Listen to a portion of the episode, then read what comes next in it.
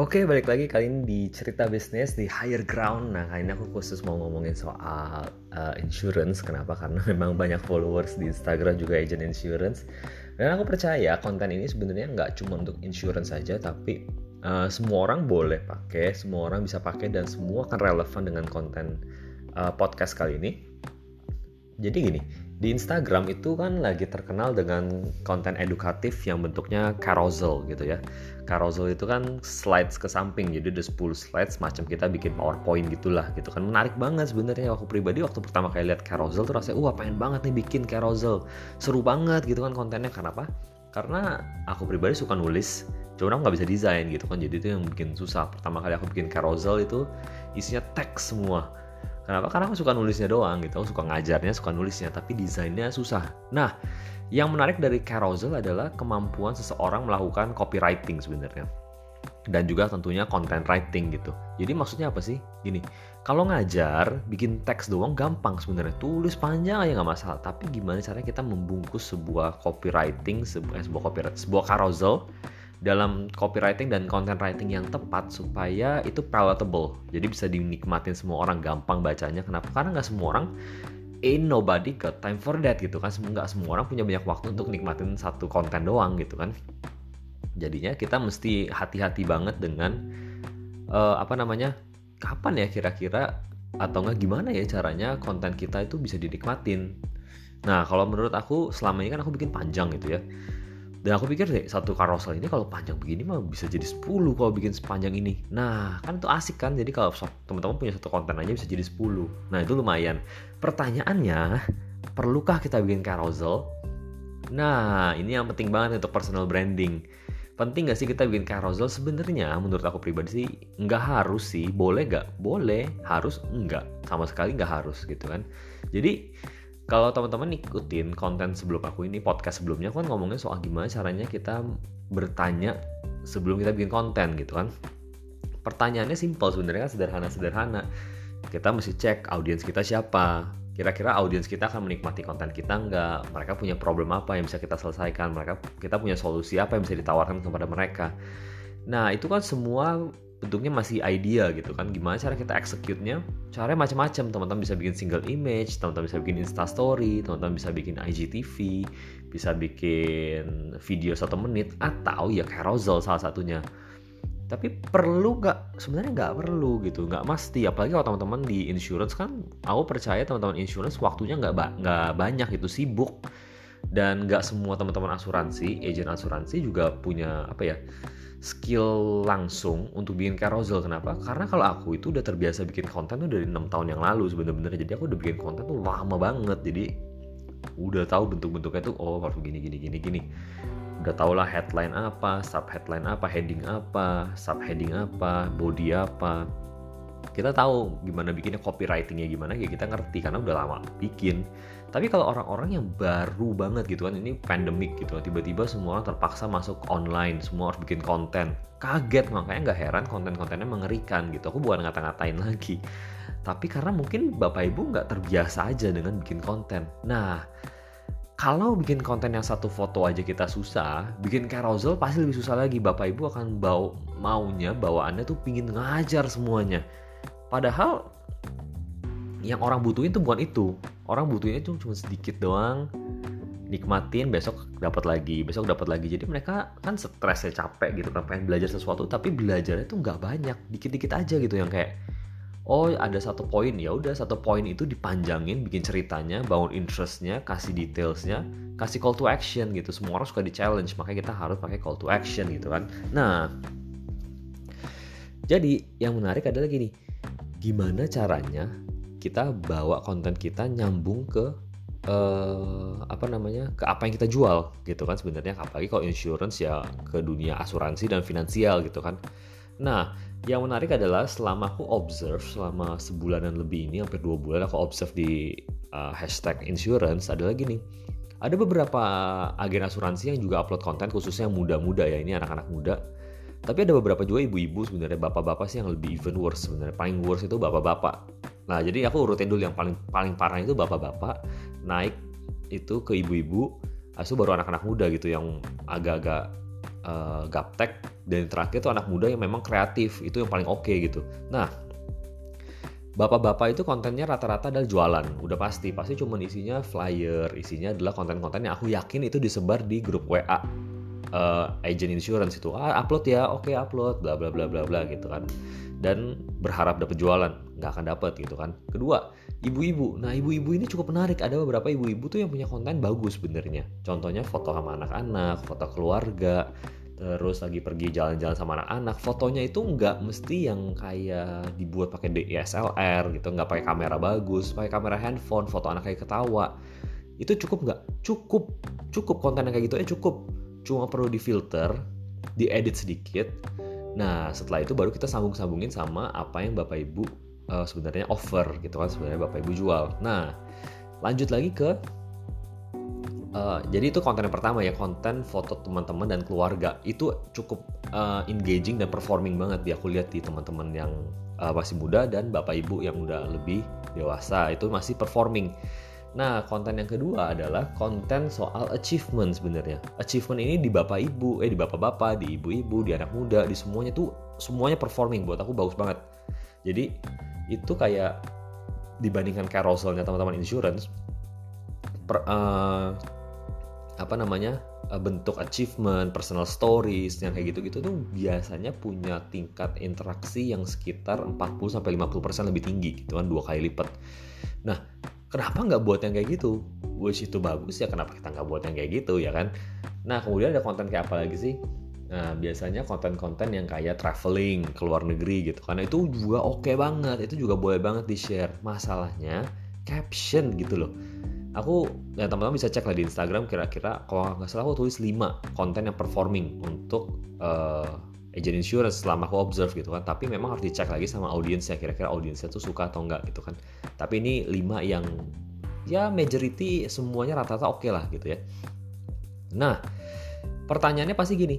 Terus sambunginnya gimana dari foto traveling, foto keluarga, foto anak, foto makan, atau enggak foto lagi achievement dan lain-lainnya, itu disambungin ke apa namanya? ke finance dan insurance. Caranya gimana? Nah, ini yang nggak ada di Instagram, oke? Okay? Sekarang kita mulai. Jadi gini sebenarnya, kita bisa taruh itu di caption gitu kan. Kita bisa punya caption kita yang menarik justru itu. Makanya Bapak Ibu jangan anggap kerjaan orang sebagai copywriter itu pekerjaan murah bapak ibu cuma kayak oh lu tulis aja lah bikin caption apa susahnya sih bikin caption doang bikin caption itu nggak susah bener nggak susah bikin caption asal aja bapak ibu mau foto di Paris I love Paris itu udah caption selesai. Permasalahan nih yang bikin copywriter mahal adalah bagaimana caranya mereka itu bisa menulis sedemikian rupa sampai mereka itu bisa jual cerita bapak ibu sebenarnya itu yang mahal. Nah kita bisa aja gini misalnya contoh ibu ibu-ibu gitu ya ibu-ibu punya konten dengan foto anak-anak gitu ya dan di bio-nya ditulis tips motherhood dan uh, financial planning untuk keluarga ini contoh gitu ya. Nah bisa nggak kalau misalkan konten-kontennya soal anak-anaknya dibahas soal misalkan kesusahannya dengan motherhood, sulitnya eh, misalkan mendidik anak atau problem-problem dengan anak-anaknya, misalkan anak-anak yang mulai dewasa dan tiba-tiba ngalamin kesusahan ketika uh, ngajarin anak konten kayak gitu tuh mulai membangun, mulai membangun interaksi dengan mama-mama yang lain sebenarnya, which is good gitu kan.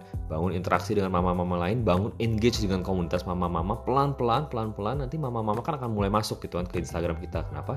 Karena kita udah menawarkan sesuatu di depan di bio kita bahwa ini kita kasih tips motherhood dan stories misalkan contoh dan financial planning untuk keluarga.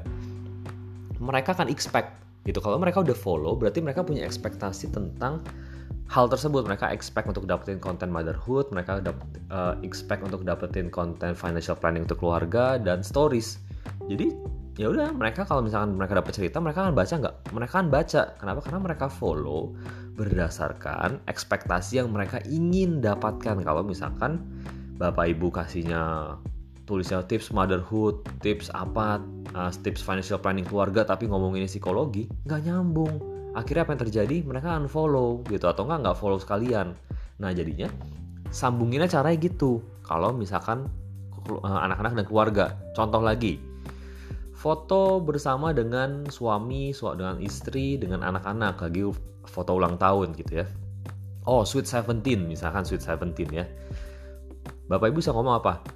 Uh, headline-nya gini. Attentionnya di caption nggak terasa udah 17 tahun aku bersama dengan my sweet little daughter misalkan. Dulu terus bisa cerita bawahnya mulai bangun interest. Interest saya ngomong gimana? Contoh gini.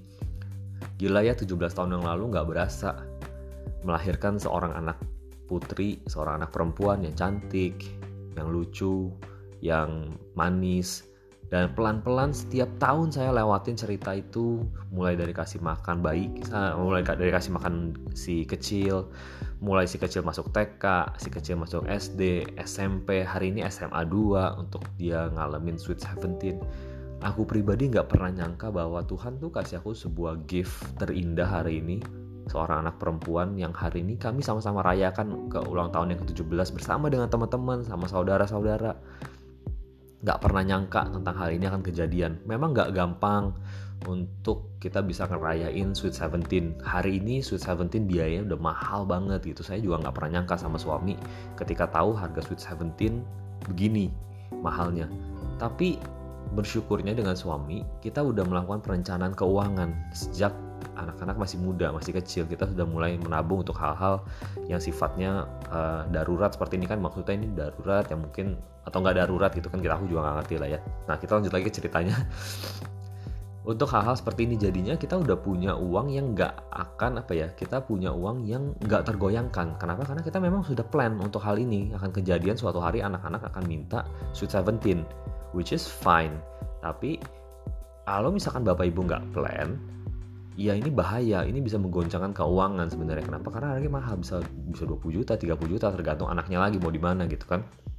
Atau bahkan ada bisa 100 juta sama kayak biaya pernikahan gitu kan. Semua harus direncanakan. Semua harus ada budgeting yang tepat. Nah kemudian lanjut lagi. Bapak ibu bisa lanjut ke desire-nya.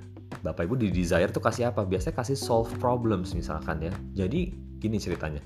Jadi kalau misalnya bapak ibu punya anak dan ingin suatu hari merencanakan hal seperti ini, pastikan Bapak Ibu mulai budgeting dari awal bangun 20%, 30%, 10%, dan 10% lagi kira-kira. Seperti itu, Bapak Ibu bisa mulai tabung, Bapak Ibu bisa mulai taruh uang-uang ini di tempat yang lebih aman yang nggak kepake. Jadi suatu saat ketika anak-anak mulai ulang tahun, Bapak Ibu bisa mengeluarkan uang dari sini memang udah disediakan dari dari bertahun-tahun untuk suatu hari kejadian hal ini.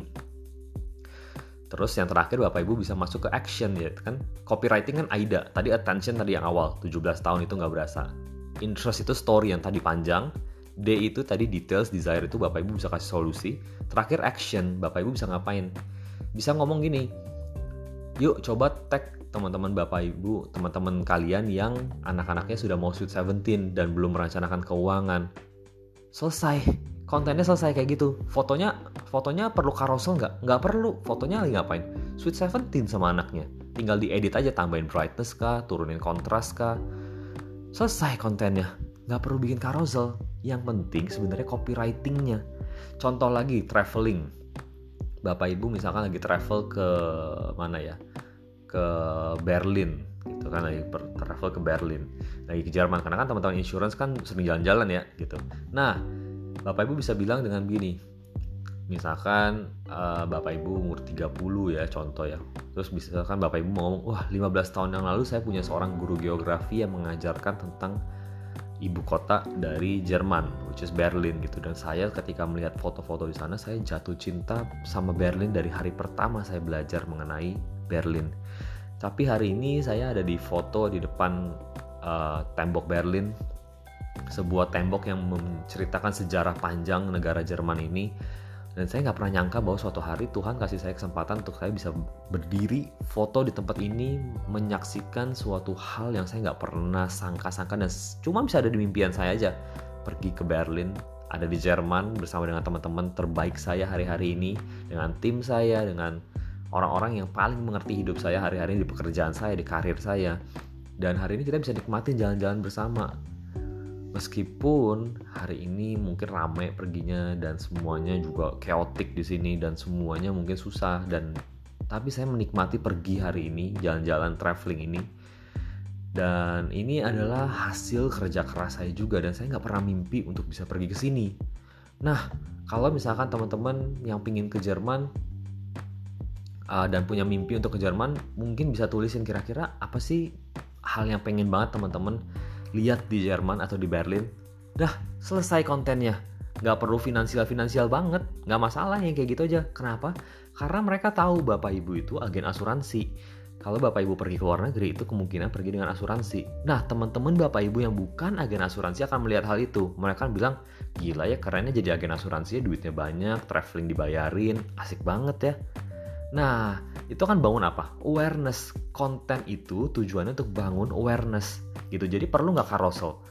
nggak perlu nggak mesti mesti banget. Kalau misalkan bapak ibu memang suka bikin karosel ya silahkan. Tapi kalau enggak nggak usah gitu. Bener-bener nyiksa diri soalnya. Bikin karosel tuh capek. Aku aja bikin karosel bisa dua jam sampai tiga jam sehari. Abis tuh udah. Pasti abis satu dua jam tiga jam.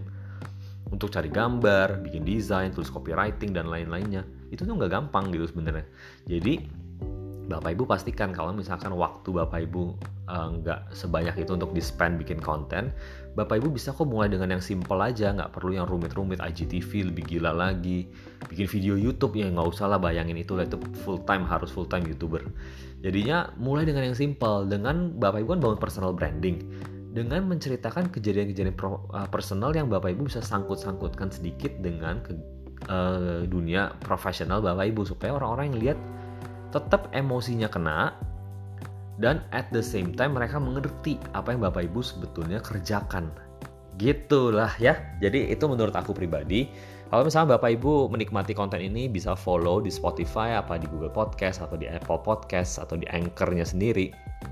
Bapak Ibu bisa share ke teman-temannya juga. Pastiin teman-temannya yang sedang bikin carousel atau lagi bingung bikin konten dapat podcast ini dan mereka nggak bingung lagi dan mereka tetap bisa sama-sama belajar dan pastinya Bapak Ibu pengen cari nasabah gitu toh ya. Jadi thank you so much for listening dan kita akan ketemu lagi di cerita bisnis higher ground episode berikutnya dan I'll see you on next episode.